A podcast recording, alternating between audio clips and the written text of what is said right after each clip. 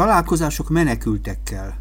Merc Andreával 2016 március végén beszélgettünk erről.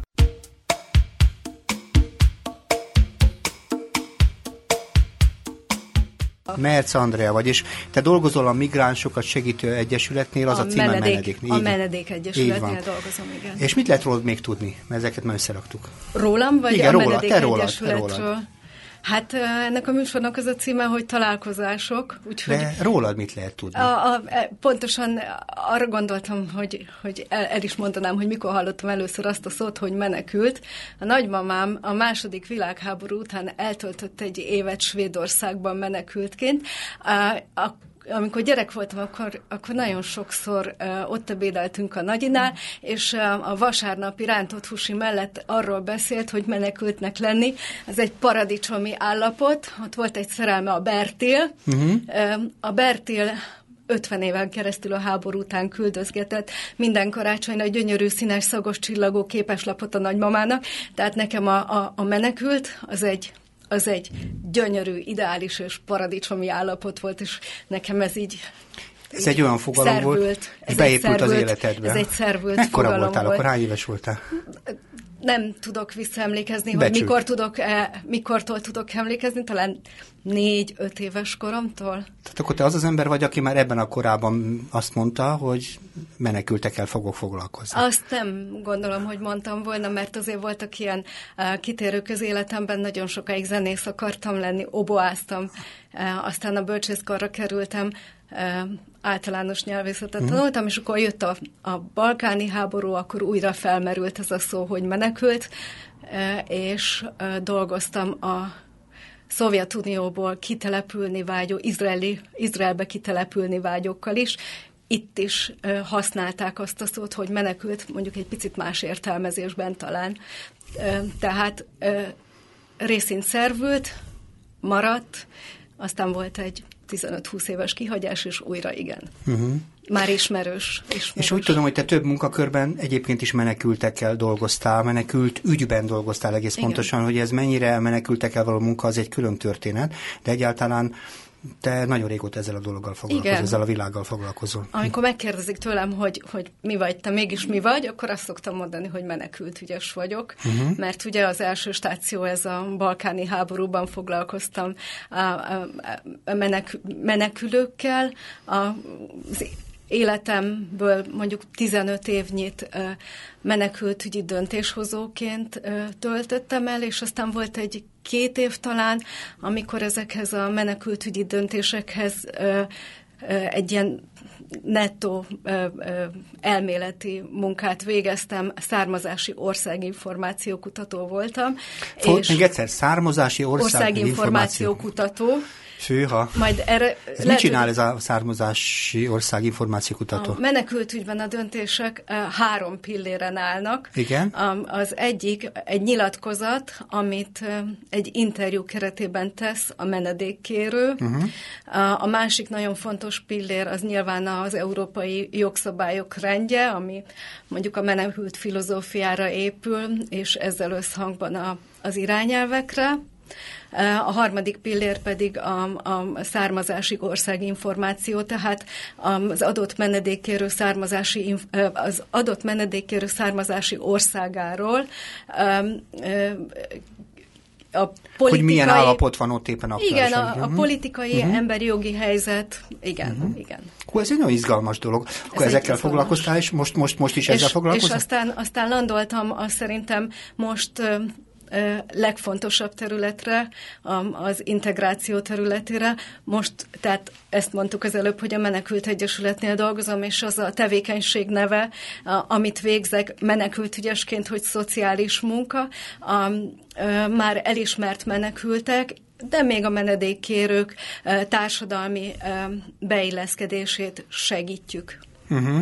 Hát ez nem mindenki számára ismert dolog. Ez mit jelent? Ez a Menedék Egyesület egyébként több egyes, szerintem ez az egyik legfontosabb ezen a terepen egyesület, már mint a miénk, komplex szolgáltatást végez.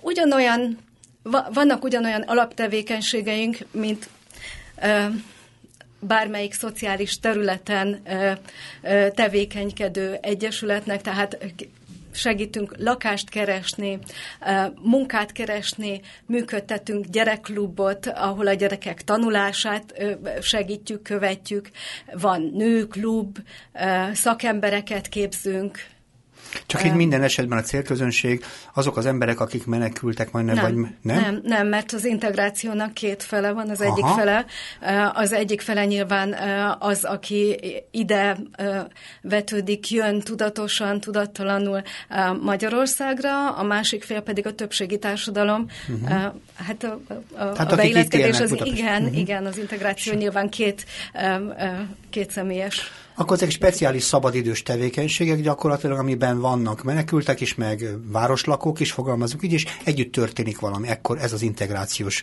gyakorlat. Igen, de azért nem mhm. mondanám, hogy szabadidős tevékenység, azért, mert hogy ilyen lét alapképletekbe kell belenyúlnunk, vagy belesegítenünk, mint a lakáskeresés. Uh-huh. Nem konkrétan ülünk az internet előtt, és, és keressük a lakást a menekültekkel, vagy azokkal, akik védelemben részesültek, hanem annak a rendszerét, szisztémáját, módját próbáljuk megmutatni, hogy hogyan is, milyen elvek alapján történik a lakáskeresés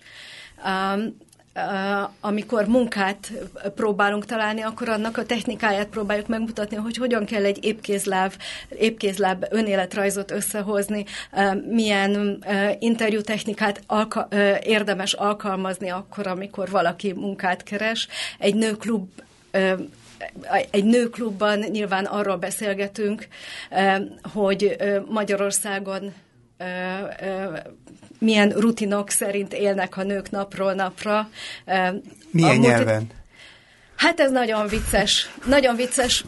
Például a múlt héten volt egy, egy álláskereső klub, ami úgy nézett ki, hogy volt körülbelül tíz ügyfelünk, hárman voltunk ott szociális munkások, és ő ült mondjuk öt afgán az afgánok általában két nyelven beszélnek, dariul és pastul, uh-huh. már nem emlékszem, hogy milyen megosztásban volt, aztán következett egy szomáli srác, aztán valaki, aki valamelyik arab országból jött, de ki tudja, hogy honnan, aztán megint egy szomáli gyerek, és akkor valahogy úgy ültünk láncban, hogy mindenki tolmácsolt mindenkinek, angolul zajlott az előadás, én ültem az előadó mellett, és tolmácsoltam egy szomálinak oroszul, aki valamiért az oroszon kívül, ez a szomás srác az oroszon kívül még tudott arabul, úgyhogy a mellette lévő arab srácnak adta tovább az információt, tehát egy ilyen bábeli kavalkád volt, nagyon vicces volt az egész, és egyébként a Lömontól volt ott két riporter, és ők, ők szinkronban tolmácsolták maguknak francia, ezt, vagy tolmácsoltatták franciára ezt az egész folyamatot, vicces.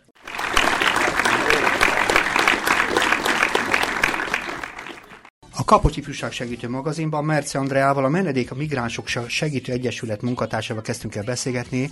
A menekültekről az a címe, hogy találkozás a menekültekkel, és Andrea elmondta tulajdonképpen, hogy olyan területen dolgozott eddig is egész életében, mind a menekültekkel való találkozásokat jelenti, és pont ez az igazi érdekes, ma azért, a, azért legyünk őszinték, a, ma a hallgatók döntő többségének nincs módja találkozni menekültekkel. Valahogy úgy egyrészt, ugye, egyrészt szigorúság jellemzi a médiát, a nyilvánosságot a menekültekkel kapcsolatosan, és most nagyon finom voltam.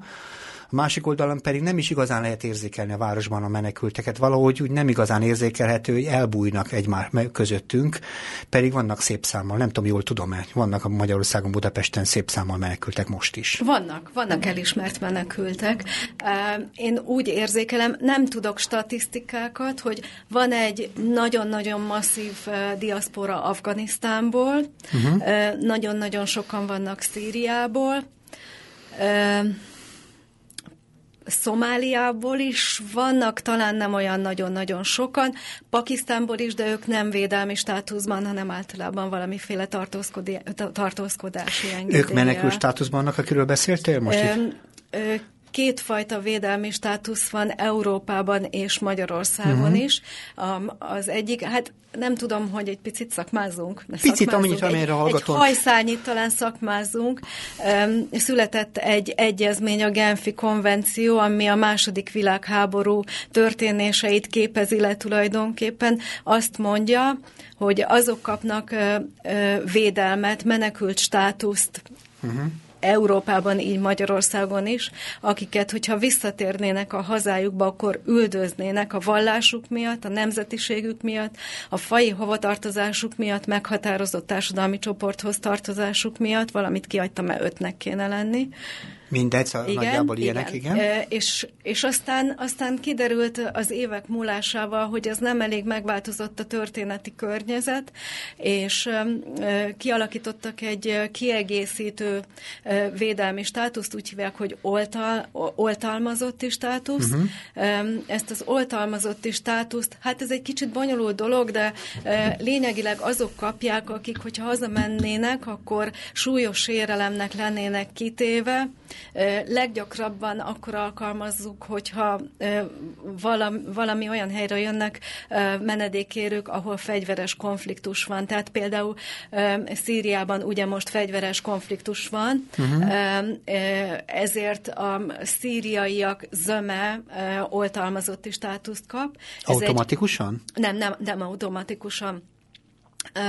Van egy szinte automatikusan adható státusz is, egyébként azt úgy hívják, hogy menedékes, de ezt az elmúlt 30 évben, vagy 25 nem évben nem, nem, nem használtuk vagy nem használta Magyarország, nem automatikusan egy eljárás úgy néz ki, hogy, hogy ö, megérkezik ugye a menedékkérő valahonnan, lényegtelen, hogy mi módon és papírokkal, papírok nélkül, ez nem szempont. Megérkezik. És megérkezik, és, és kéri az ő elismerését, menekültkénti vagy oltalmazottkénti elismerését. Írásba, szóba?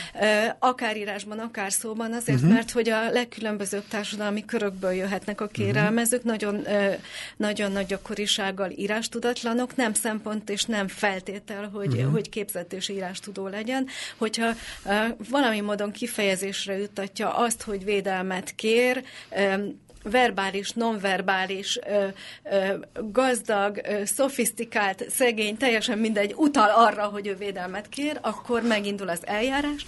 Ennek a, az első része az, hogy megállapítják azt, hogy az első, hogy, hogy, hogy melyik ország Európában felelős az ügy elbírálásáért. Egyébként erről hallani, ezt úgy hívják, hogy Dublini eljárás, uh-huh. hogyha megállapítás nyer az, hogy Magyarország a felelős, akkor egy nagyon-nagyon-nagyon hosszú, mély interjú következik, beszél, beszél a kérelmező arról, hogy miért is jött el a hazájából, miért nem tud uh, visszamenni oda, de hát persze nem ilyen egyszerű a kérdés. Szám, uh, lényegileg mindent megtudunk róla, ami meghatározó volt az ő hazájában, az életében, mikro- és makrokörnyezetében, és akkor beszerezzük ezeket az országinformációs támpontokat, és akkor ismerjük a jogszabályt, és megszületik a döntés arról, hogy maradhat, ha maradhat, akkor, akkor egy lényegileg egész életre szóló védelmi státuszt kap a menekült Ez a menekült egy életre szól, Igen, ö, ideális esetben egy életre szól. Az oltalmazott, az pedig határozott ideig. És a, az uh-huh. oltalmazott az öt évre szól, és akkor öt év elteltével felül kell vizsgálni azért, mert ugye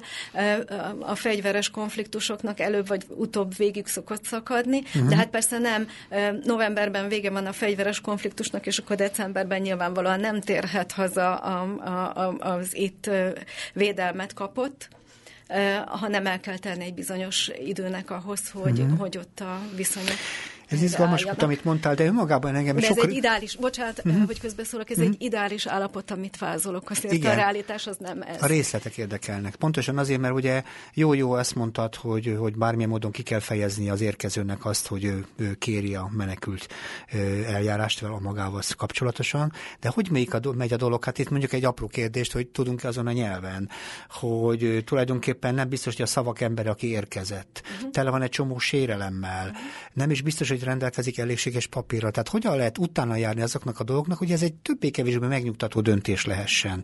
Papírral még nem is a, most másfél éve erőteljesen megváltozott a helyzet, tehát uh-huh. tulajdonképpen vegyük alapul az ezelőtt másfél évvel uh-huh mondjuk 15 évet, nincs, nincs zömmel nincs papír, mert hogy nem életszerű, hogy az, aki menekül valamiből, elmenjen a, a, az adott ország okmányirodájába, megvárja, amíg kiadják az útlevelet, majd vízumot szerezzen be, uh-huh. és távozzam, hogy, hogy ő aztán menekült státuszt kapjon vala. Tehát ez oly mértékben életszerűtlen, hogy nem uh-huh. is elvárható, és Azért kérdezem, akkor hogy megy, hogyha viszont ilyen, ilyen támpontok, itt a hagyományos civilizált társadalomok megjelenő támpontok nincsenek?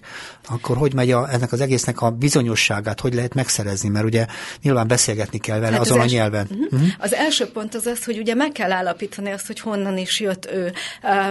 Hogyha valaki olyan országból jött, aminek a nyelvét ismerjük nyilvánvaló, akkor meg be tudjuk lőni nagyjából, hogy ugye valaki tud dariul, vagy tud pastul, akkor annak elég nagy a valószínűsége, hogy Afganisztánból érkezhetett, de uh-huh. hogyha e, beszél egy törzsi nyelvet mondjuk Nyugat-Afrikából, uh-huh. ami esetleg mi nem ismerünk. Erre van, van egy nagyon helyes e, alternatív megoldás. Van egy, van egy olyan lista, egy ilyen kis könyvecske, amin a világ szinte minden nyelvén van két-három mondat, e, és rá kell mutatni arra a mondatra, mely nyelvet az ő anyanyelvének érez vagy tekint. Uh-huh. Abban az esetben, hogyha nem tud olvasni a kérelmező, akkor megindul a szerencsétlenkedés, mert hogy megpróbáljuk mi felolvasni azt, ja. ami oda le van írva uh-huh. ebbe a könyvecskébe, de egyébként ez azért viszonylag ritkán fordul elő, mert a Magyarországon megfordulók zöme mostanában pláne Afganisztánból és, és Szíriából jön. Tehát mi a Kelet-Európa, Kelet-Európa Pán keresztül haladó keleti embercsempész útvonalhoz tartozunk. Persze jönnek Nyugat-Afrikából is, de hát sokkal, uh-huh. so, so, sokkal kisebb uh-huh. számban, mint, mint, mint és a hogyha sikerül azonosítani, hogy milyen nyelven beszél, és mondjuk ez még ráadásul, akkor nyilván tolmácsot kell használni, mert vagy Igen. nem tudom, beszélsz pastul, dariul, vagy... Nem, én nem, nem beszélek egyébként. Te milyen nyelven beszélsz jut előszembe, csak ugyan spontán? Hát angolul azért illik tudni mindenkinek, mert hogy a szakirodalom uh-huh. meg az érintkezés uh-huh. angolul van. Oroszul is tudok, és, és akkor, amikor én tanultam, akkor még szerb-horvátnak hívták azt a nyelvet, amit tudok, aztán ez differenc differenciálódott, de most ez jó, mert én tudok akkor öt nyelven, tehát tudok szerbül, szerbül horvátul, meg bosnyákul is. Igen. Én a, a különbözőségeket nem tudom annyira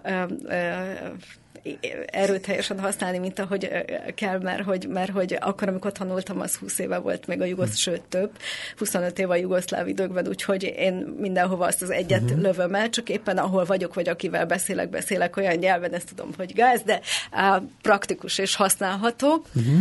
Um, jó, tehát hogyha mondjuk az, ha megérkezik valaki, ugye, igen. akkor valamilyen módon azonosítani kell a nyelvét, és el kell kezdeni vele be kommunikálni, igen, ugye? Igen, És? Um, um, van egy, van egy interjútechnikai metódus, amit alkalmazunk, úgy hívják, hogy um, uh, úristen, DCM, dialogikus kommunikációs metódus. Ez ami, egy bonyolult, és ö, egyszer elmondtad ezt már nekem, ugye? Ezt el, elmondtam. Nekem. Az a lényeg, hogy egy nyolc stációból álló metódus, aminek hat, megalap, hat alapozó egysége van, a bizalom elnyerése itt a lényeg, hogy aztán azokat az értékes és mennyiségileg elegendő információkat nyerjük ki, ami oda vezet, hogy meg lehet állapítani mindenféle papírháttér mögül, vagy van annak valószínűsége, hogy elég jól be, be lehet lőni a védelmi szükségletet.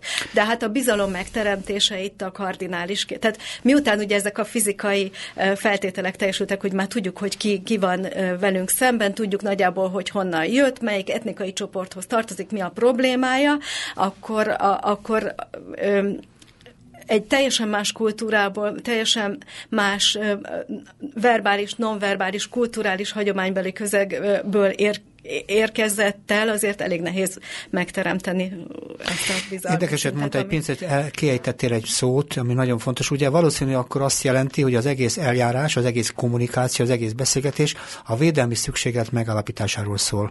Akkor, vagy ha valakinek védelmi szükséglete van az élete adott helyzetében, akkor menekültsége nagyon valószínű, tehát akkor menekültként lehet megállapítani őt. Ugye ez a lélek, hogy, hogy ő, ő védelmi szükségletekkel rendelkezik, ugye? Ez a cél. Igen, uh-huh. igen Igen, igen.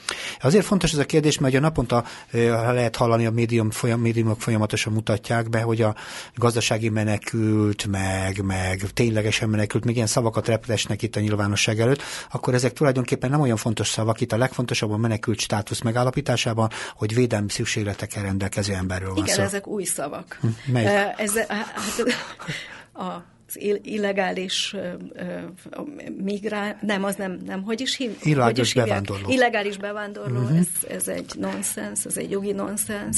Értem. Igen, ezek a szavak, amik röptösnek, én nem hiszem, hogy, Azért mondom, hogy tegyük helyére. árukapcsolhatók a, a, a menekült ügyel. Én próbálom ezt az új terminológiát nem használni. De a lényeg a védelmi szükséglet. A, hogy... a lényeg a védelmi szükséglet. Uh-huh. Ugye a, a védelmi szükséglet megállapításánál minden országban két faktor játszik. Az egyik a, a védelmi szükséglet, a másik pedig az adott országnak az idegen politikája.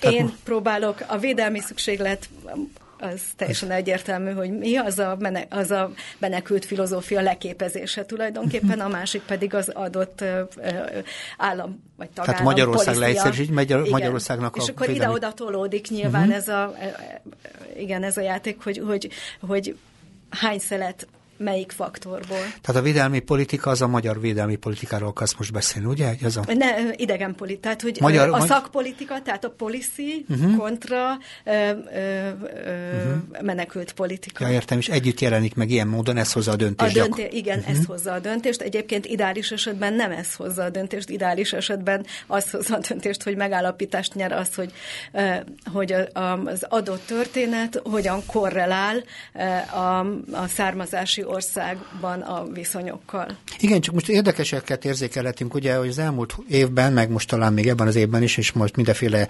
rémhírek vannak, hogy mennyire sokan fognak még jönni.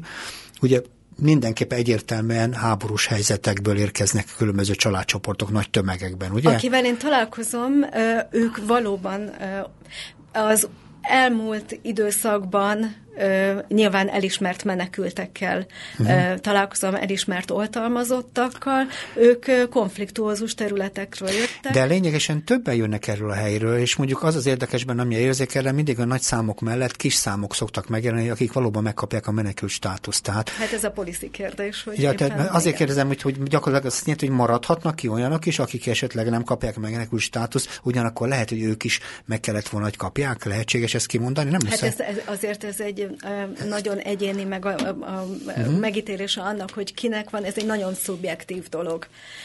Tehát az, hogy én mely helyzetben ítélem úgy, hogy védelmi szükséglete van az adott kérelmezőnek. Uh-huh. Ez még ügyintézőről ügyintézőre is változhat, tagállamról tagállamra is változik, régióról régióra változik, tehát ez egy sok-sok tényező, sok. Tehát nem objektív, hogy fogalmaz. Ez pro, persze nyilván próbáljuk minél, minél inkább objektívvé tenni, uh-huh. de hát ez, ez, ezek esített vizsgálatok, uh-huh. vagy egyéni vizsgálatok egy-egy adott személy. Értem, és általában nem egyedül jönnek ilyenkor, akik érkeznek, mert ugye a döntő többsége ugyan, vagy, vagy ez inkább egyedül érkezők a jellemzőbbek, vagy inkább ilyen összefogott csapatok, két-három fős, négy fős, ilyen kis... Hát ez attól függ, uh-huh. hát miután az embercsempészek szervezik az utazást, tehát több, több egy-egy, egy-egy országból több embercsempész turnus uh-huh.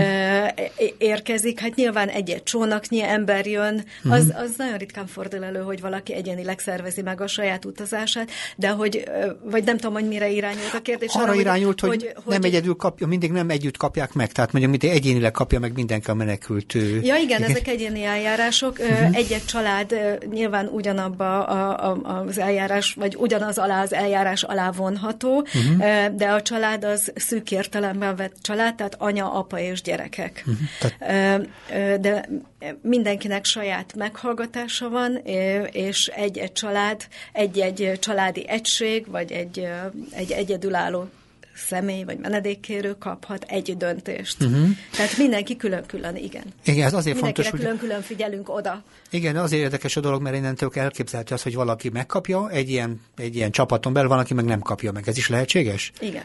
Uh-huh. És akkor értem... Azért itt... lehetséges, mert Ez jó kérdés. A, igen, ez tényleg jó kérdés. Akkor, amikor menekültügyi döntéshozó voltam, akkor mi igyekeztünk teammunká. Az volt a furcsa, hogy mindenki különféle ideológiai mögöttesed és társadalmi körből érkezett, de miután nagyon jó volt a kommunikáció a, a, az ügyintézők között, tehát azok között, akik a státuszdeterminációt végzik, a, a döntéshozatali folyamatban vannak, ezért próbáltunk ö, ö, esetről esetre ö, kommunikálni egymást. Tehát teammunka volt, csapatmunka uh-huh. volt. Uh-huh.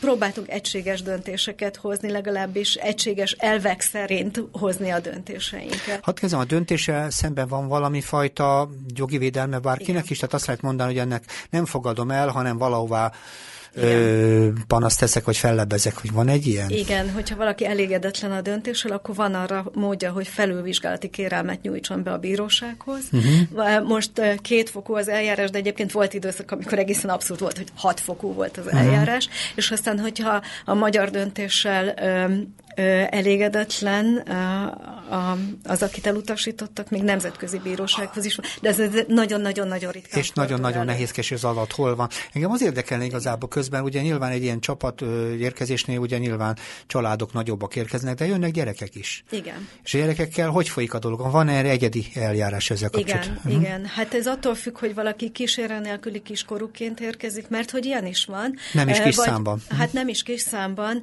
uh-huh. és van, akik ö, ö, családdal érkeznek. Általában azokat, akik 14 éven felüliek meghallgatjuk, 14 éven aluliakat nem nagyon, kísérlet nélküli, nekem volt, nekem volt olyan kérelmezőm, aki egészen pici volt, extrém módon pici, hát nyilván vele beszélgettem arról, hogy miért is jött Mit ez a pici alatt? Hát volt olyan, aki 10 éves volt. 10 éves? Aztán volt olyan, aki 8 éves volt, de ő nagyobb testvérekkel jött. Uh-huh egy nyolc éves gyerekkel nem nagyon lehet. Egyébként Hollandiában fordulnak elő tömegesen ilyen extrém módon picik, de ott különleges feltételeket biztosítanak az egészen picik meghallgatásához.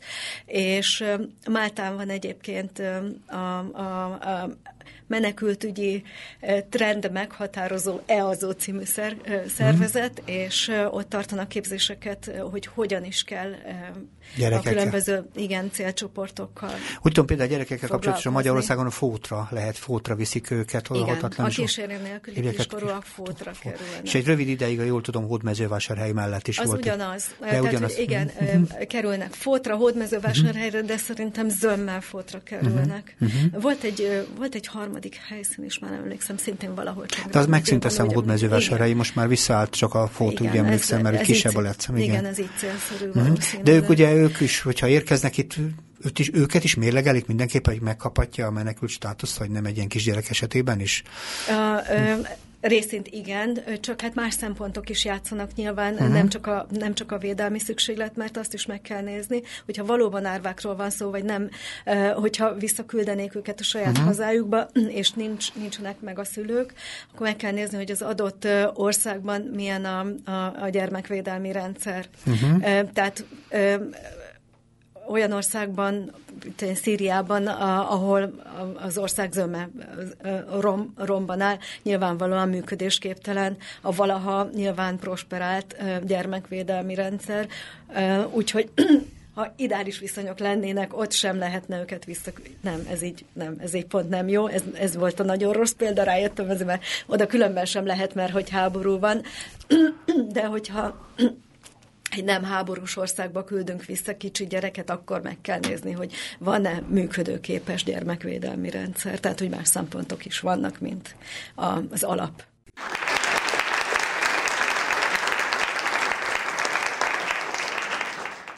A Kapos Ifjúság Segítő magazinban találkozások a menekültekkel címmel Merc Andreával kezdtünk el beszélgetni, aki menekültügyi szakember, és sok-sok helyen dolgozott ezen a területen, és összeraktuk nagyjából a nagyon nehezen összerakatot, hogy hogy érkeznek ide Magyarországra menekültek, mert sokfajta világból érkeznek. Nyilván az elmúlt évek nagy gyakorlata szerint ugye leginkább a Szíriából és Afganisztánból, de azért azt mondtad, hogy Nyugat-Afrikából is, meg sokfelől érkeztek Magyarországra. Meg Kelet-Afrikából is, Kelet igen. Tehát egyszerűen sok helyről érkeznek. Etiópiából, Szomáliából, sok helyről érkeznek érkeznek. Sok helyről érkeznek, és általában van egy eljárás, ami ilyenkor a találkozásokat jelenti, hogy hogyan lehet igazából elérni azt, hogy az a védelmi szükséglet, ami tulajdonképpen az érkezések körül veszi őket, az mennyire megalapozott, és hogy megkaphatják ennek alapján a menekült státuszt. Tudjuk azt is a médiumban ellen, sokszor a médiában lehet hallani is, hogy nagyon sokan jelentkeznek erre a szerepre, és nem, sok, nem mindenki szokta megkapni ezt a dolgot. Nyilván ez az eljárás, amit elmondott az Andrea, az arról szól, hogy milyen módon próbálják vizsgálni azokat az embereket, akik érkeznek ide, és hogy mennyire megalapozott tulajdonképpen az, hogy ő valóban megkapassa a menekült státuszt, vagy egy van egy másik fogalom, az oltalmazotti státusz, amelyik határozott ideig szól, amit újra kell vizsgálni. Eddig ugye rendben van. Abszolút, abszolút. De engem jobban foglalkoztat az, hogy tulajdonképpen kik ezek az emberek. Egyáltalán ugye mind, nem egyszerű az élet. Sok ember élete olyan, hogy tele van nehézségekkel. És mi az a dolog, ami elindítja őket tulajdonképpen, mert, mert tele van a világ mozgásokkal, mindig is tele volt. De az, amikor egy emberek elindulnak, menekült státusz keresnek, ez egy ilyen kétségbeesett állapotot feltételez az én szerintem. Mennyire igaz ez, amit gondolok, kik ők egyáltalán, és hogy mi ez az elindulási motiváció, hm? ami végül is őket mozgatja. Nehéz kérdéseket tettem föl. Igen, hát mondjuk a, a, a mi esetünkben ez viszonylag egyértelmű, mert hogy ugye védelmet kérnek tőlünk azok, akik a, a, a, illetve nem, már nem tőlünk, mert hogy én már másik területen dolgozom, de mondjuk visszaemlékezve az e, előbbi életszakaszaimra, tehát a bevándorlási hivatal, az adott tagállam bevándorlási hivatal. Magyarországtól védelmet kérnek, és akkor egyszer... Vagy, vagy a bármelyik tagállamtól védelmet uh-huh. kérnek azok, akik ide megérkeznek, tehát feltételezhető az, hogy üldözték őket a konvenciós indokok alapján, vagy a konvenciós kategóriák alapján, vagy, vagy, vagy háborús övezetekből jönnek, tehát ez egy eléggé egyértelmű egyértelmű uh-huh. motiváció. Uh-huh. Ami nagyon fontos az az, hogy, hogy tudni kell azt, hogy általában a, az adott származási országban a legjobbból a legjobbak jutnak el ide. Azért, mert ahhoz, hogy valaki zord körülmények között rettenetes kondíciókból megérkezzen 6000-8000 kilométerrel arrébb, gyalog, esőben, jégben, forróságban, embercsempészekedés nélkül, ahhoz ahhoz hihetetlen nagy lelki, testi erő kell, motiváltság, életerő és egyfajta intelligencia. És pénz? Nem feltétlenül pénzfüggő, egyébként több pénz is van a dologban, de hát a legkülönbözőbb módokon, de a, védelmezi, a, a védelmi szükséglet az nem pénzfüggő, de hát nyilván aki a, aki a pénzügyi vagy szellemi arisztokráciához tartozik, az nem feltétlenül úgy, tehát fajta menekült van. Van olyan menekült, aki menekült státuszban menekült, és van olyan menekült, aki, aki Oxfordban vagy Cambridgeben ösztöndíj, vagy a Jélen ösztöndíjjal uh-huh. menekült. Így tehát, hogy formálisan, uh-huh. tehát, hogy formálisan nem menekült, de, de lényegileg menekült. Uh-huh. Érdekel egyébként, mert ugye azt mondod, hogy valóban nagyon erősnek, vagy jó erősnek kell lenni, aki eljön onnan. Igen, a legjobbak jönnek. Ne, a, részint a legjobbak tudnak eljönni, másrészt pedig a legjobbak, a legjobbak érkeznek meg. Mondod, fizik... Igen, nem csak fizikailag, hanem mentálisan nagyon erősnek kell lenni. Azért gondoljunk bele, hogy az afgán családokban van 6-8-10 gyerek, nem tudják, az egyszerű családok nem tudnak megfinanszírozni általában 6-8 fiú elküldését, úgyhogy kiválasztják a a, a legkisebb és legokosabb királyfit, akit, akit elküldenek a jobb élet reményében, vagy a könnyebb élet reményében. De itt nem gazdasági szempontból könnyebb élet reményében, hanem, hanem valóban azok azokban az országokban, ahonnan jönnek, a, a, az alapvető szükségleteiket nem tudják kielégíteni. Tehát azt mondod gyakorlatilag, hogy mondjuk egy család nagyon rosszul él, akkor abból a legkisebbet el, vagy mondjuk arra alkalmasabbat elszokták. A leg, leginkább alkalmasat uh-huh. küldik el, igen, uh-huh. általában. Elküldik Tehát aki, aki nagy biztonsággal meg is érkezik, uh-huh. és aztán tudni kell azt, hogy mert hogy, mert hogy ezek a családok nagy gyakorisággal igen nagy nyomorban élnek, ezek a fiúk azonnal elkezdenek dolgozni, és a pici zseb, összekuporgatott zseppénzeiket küldözgetik haza. És éppen ma beszélgettem egy sráccal, aki még 2008-ban az, az én fiúm vagy fiam, tehát az én menedékkérőm volt, akkor 16 évesen jött Magyarországra, és kérdeztem tőle, hogy, hogy te srác, nem mondom a nevét, mert hát ha, vajon azok működőképesebbek, akik, akik kevésbé megalapozott, anyagi megalapozott családokból jöttek, vagy akik, akik módosabb családokból jöttek, és akkor azt mondta, hogy teljesen egyértelműen azok, akik, akik lényegileg nincs telenül érkeztek Magyarországra, mert hogy iszonyú súly és kő volt a, a, a hátukon és a lelkükön az, hogy részint önmagukat el kell látni, másrészt pedig a családjuk ellátása is nehezedett súlyként. Tehát sokkal felelős. nagyobb erőt jelentett. Sokkal ugye? nagyobb erőt, és uh-huh. az a furcsa, hogy az a 6-8 fiú, akivel ő együtt érkezett, mind egyszerű családokból jött, képzetlen és szegény családokból, és mindenki megvetette a lábát itt egyébként Magyarországon, mindenki működőképes. A felük mondjuk leérettségizett itt Magyarországon, mindenki dolgozik, beilleszkedett, jól megtanultak, elég jól megtanultak magyarul, működőképes srácok lettek. Uh-huh.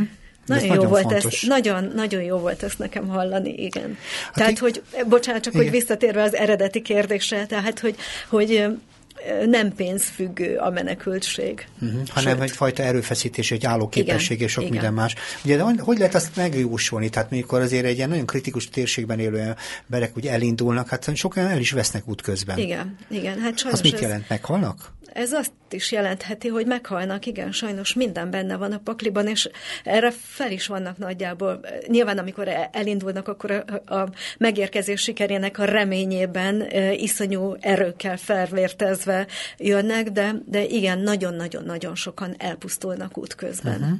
És ide jönnek, vagy, vagy, vagy egy meseszerű város, országba, városba? Ide készülnek, vagy ez Általában egy állomás? Nagyon, nagyon sokak uh, uh, azt hiszik, hogy, hogy Németország Európa. Most már lehet, hogy egy kicsit differenciáltabban látják a világot, de akkor, amikor elindulnak ö, ö, vidéki tájakról, sokan nem tudják, hogy hova fognak megérkezni, de azért nagyon nehéz erről beszélni, mert, mert a legkülönbözőbb országokból jönnek menedékkérők, és a legkülönbözőbb társadalmi körökből legkülönbözőbb képzettségekkel, tehát nincs olyan, hogy a menekült, hanem az ember van, aki velem szemben uh-huh. ül, és egy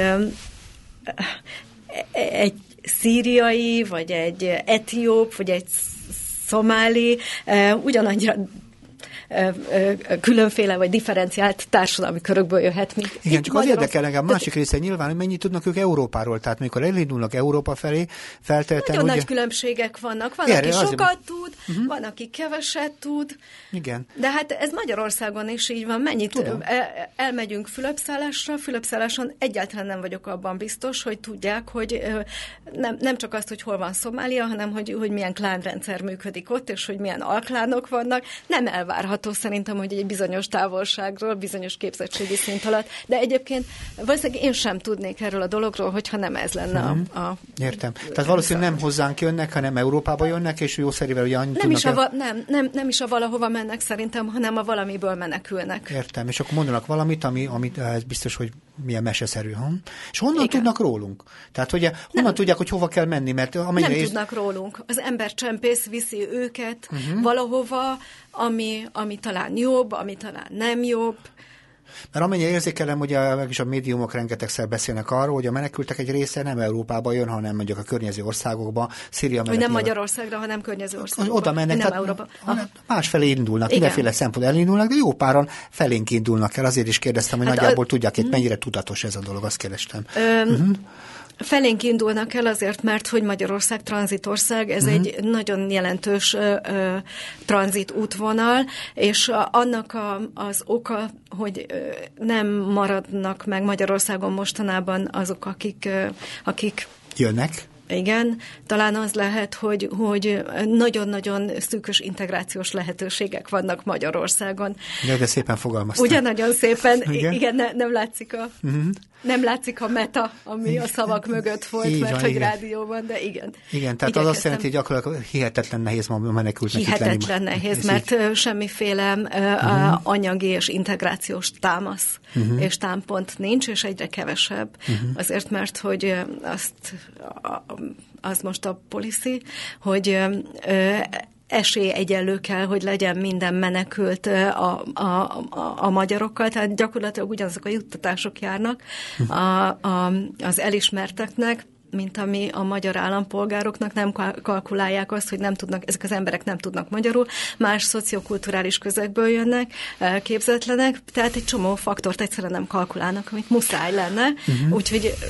Még menjünk vissza azért a menekülőkre, menekülőkre, akik ebbe az irányba jönnek, hogy tulajdonképpen mit tesz velük az út, mert azt mondhatod, hogy 6-8 ezer kilométert uh-huh. jönnek, és hát igazából a jobbak a mentális feltételekkel, jobban rendelkezők jönnek ide, tehát nyilván abban vannak idősebbek, fiatalabbak, lányok, gyerekek, anyukák, apukák, tehát hogy Mit tesz velük az út, mit tesz a gyerekekkel, mit tesz az anyákkal? Mert ugye valószínű, hogy nagyon is átformálja, mert ez az út az nagyon formáló kell, hogy legyen. Hát a, a gyerekeket nyilván felnőtté teszi, tehát uh-huh. egy ilyen, a keleti kultúrákban különben is egy picit gyorsítottabbak a létszakaszok. Miben néz ki az a felnőttebbek a gyerekek? Hogy néz ez ki? Akkor, amikor egyedül egy 14-16 éves fiú eljön 6000 kilométert szülők nélkül, egyszerűen felnőtté válik, őt már nem érdekli többé az iskola, kihagy, ki, kimaradt egy csomó fejlődési stáció az életéből, amit nagyon nehéz egyébként visszakunkorítani. Uh-huh. Tehát a gyerekeknél leginkább azt látom, főként a fiúknál azt látom, hogy kimaradnak fel bizonyos létszakaszok, sokan traumatizáltak, de egyébként nyilván az úttól is sokan traumatizáltak, de, de leginkább azt hiszem, hogy az otthoni történésektől. Uh-huh. Hát igen, mert azért az út önmagában, meg a trauma együtt ugye összeadott, az út megpróbáltatása, ez összeadódnak. Igen, igen, de nyilván, nyilván van, ahol az út a trauma, de hát azért a legtöbb esetben az otthon megélt. Azért volt érdekes, amit mondtál, hogy azok, akik nyolc évvel ezelőtt, vagy nem tudom hány év ezelőtt veled találkoztak még az előző munkájában, hogy mennyire szépen ugye megtalálták nagyjából azokat a fogodzókat ebben a mai világban, ami a menekült létüket tulajdonképpen mégis egy normális hétköznapi életé alakítja. Úgyhogy ez nagyon érdekes a dolog. De mi lesz azokkal, akik ilyen friss menekültek, hogy fogalmazzam? Tehát még ott a trauma, ott van a mentális próbatételek, és így tovább. Beszélgettem például egy egy nővel. Ez egy nagyon-nagyon ritka eset, amikor Afganisztánból egyedül ér. Én, én szerintem csak ró, róla hallottam, hogy nem az én esetem volt az előző munkahelyemen. Uh-huh. Most sem, csak valahogy alkalmam volt egy, egy rövid beszélgetésre vele. Ő egy képzett nő, egy jogásznő, uh-huh. aki, aki rettenetesen megviselt az élet. Egyrészt a nőnek könnyű, nőnek lenni nem könnyű Afganisztánban, uh-huh. képzett nőnek lenni halmozottan nem könnyű, és uh-huh. nyilván a menekülésének oka volt. Aztán nem volt könnyű ide kerülni sem, tehát ez nyilván az ő sebezhetőségét hatványozza, és aztán még rátevődött az, hogy bár tud egy-két nyelvet, de hát a, a magyar ugye nem is indo-európai nyelv, a, a magyart megtanulni nagyon nehéz. Egyébként a, a, ezek indo-európai, Afganisztánban indo-európai nyelveket beszélnek, úgyhogy viszonylag meg, könnyen megtanulják a, a, a, a nyugati Németet, nyelveket. Angolt. Igen, viszont nyilván nehéz a, a, a magyart megtanulni. Nagyon nehéz boldogulni a Magyarországon is nőként, nyelvet nem beszélő nőként, jogászként szansza sincs. Hát ugye a migrás, migrációnak törvényszerűségei vannak. Egyrészt van egy horizontális mozgás, tehát hogy A pontból elmegy B-be, másrészt van egy vertikális mozgás, hogy a társadalmi hierarchián általában egy nagyot huppan lefelé az, aki indul. Egy, egy jól prosperáló jogásznőnek hihetetlenül nagyot kell zuhanni, és, és itt van mondjuk egy-két éve, azzal kell szembesülnie, hogy, hogy az ő életében nagyon-nagyon kicsi a szansz arra, hogy, hogy, hogy beérje önmagát, uh-huh. tehát uh, talán aztán, aztán szembesülni kell azzal, hogy mondjuk 40 körüli lehet, így ránéz 40 és 50 között, az is lehet, hogy egyedül kell itt leélni, családi, társadalmi háló nélkül az életét. Uh-huh. Ezek, ezek nagyon-nagyon komoly fájdalmak. Tehát egy picit, mint hogyha életvesztett, életkedv vesztetté uh-huh. válna, de hát ez egy nem kicsi ez, amit te mondtál, és kicsit olyan, mint ha valaki száműzésbe, száműzetvetésbe kerülne, mert gyakorlatilag igazából, ha nincsen mentális támasza, hogyha nincsen tulajdonképpen körülmény, amiben érkezik, akkor gyakorlatilag ez egy büntetés. Tehát a száműzetést ebben azért hát, büntetés élmény. Igen, uh-huh. viszont visszamenni is büntetés lenne, uh-huh. mert sokakkal beszélgettem arról, hogyha, vissza, hogyha úgy alakulna az élet, hogy vissza tudnak menni a származási országukba, uh-huh kelet felé, vagy konfliktuózus területekre Kelet-Afrikában, akkor, akkor mi az, ami a leginkább fájdalmas lenne, és Egyébként senki nem a, csa, a csador visszavételét említette, hanem, hanem a szólásszabadságának a nagyon-nagyon erőteljes lekorlátozottságát. Uh-huh. Uh-huh. És ennek része nyilván a, a, a vallásszabadság korlátozottsága, a, a, a, a női jogok korlátozottsága, de érdekes, hogy ezt nagyon-nagyon sokan mondták, hogy megtanultak, megtanulták a szájhasználatot. Uh-huh.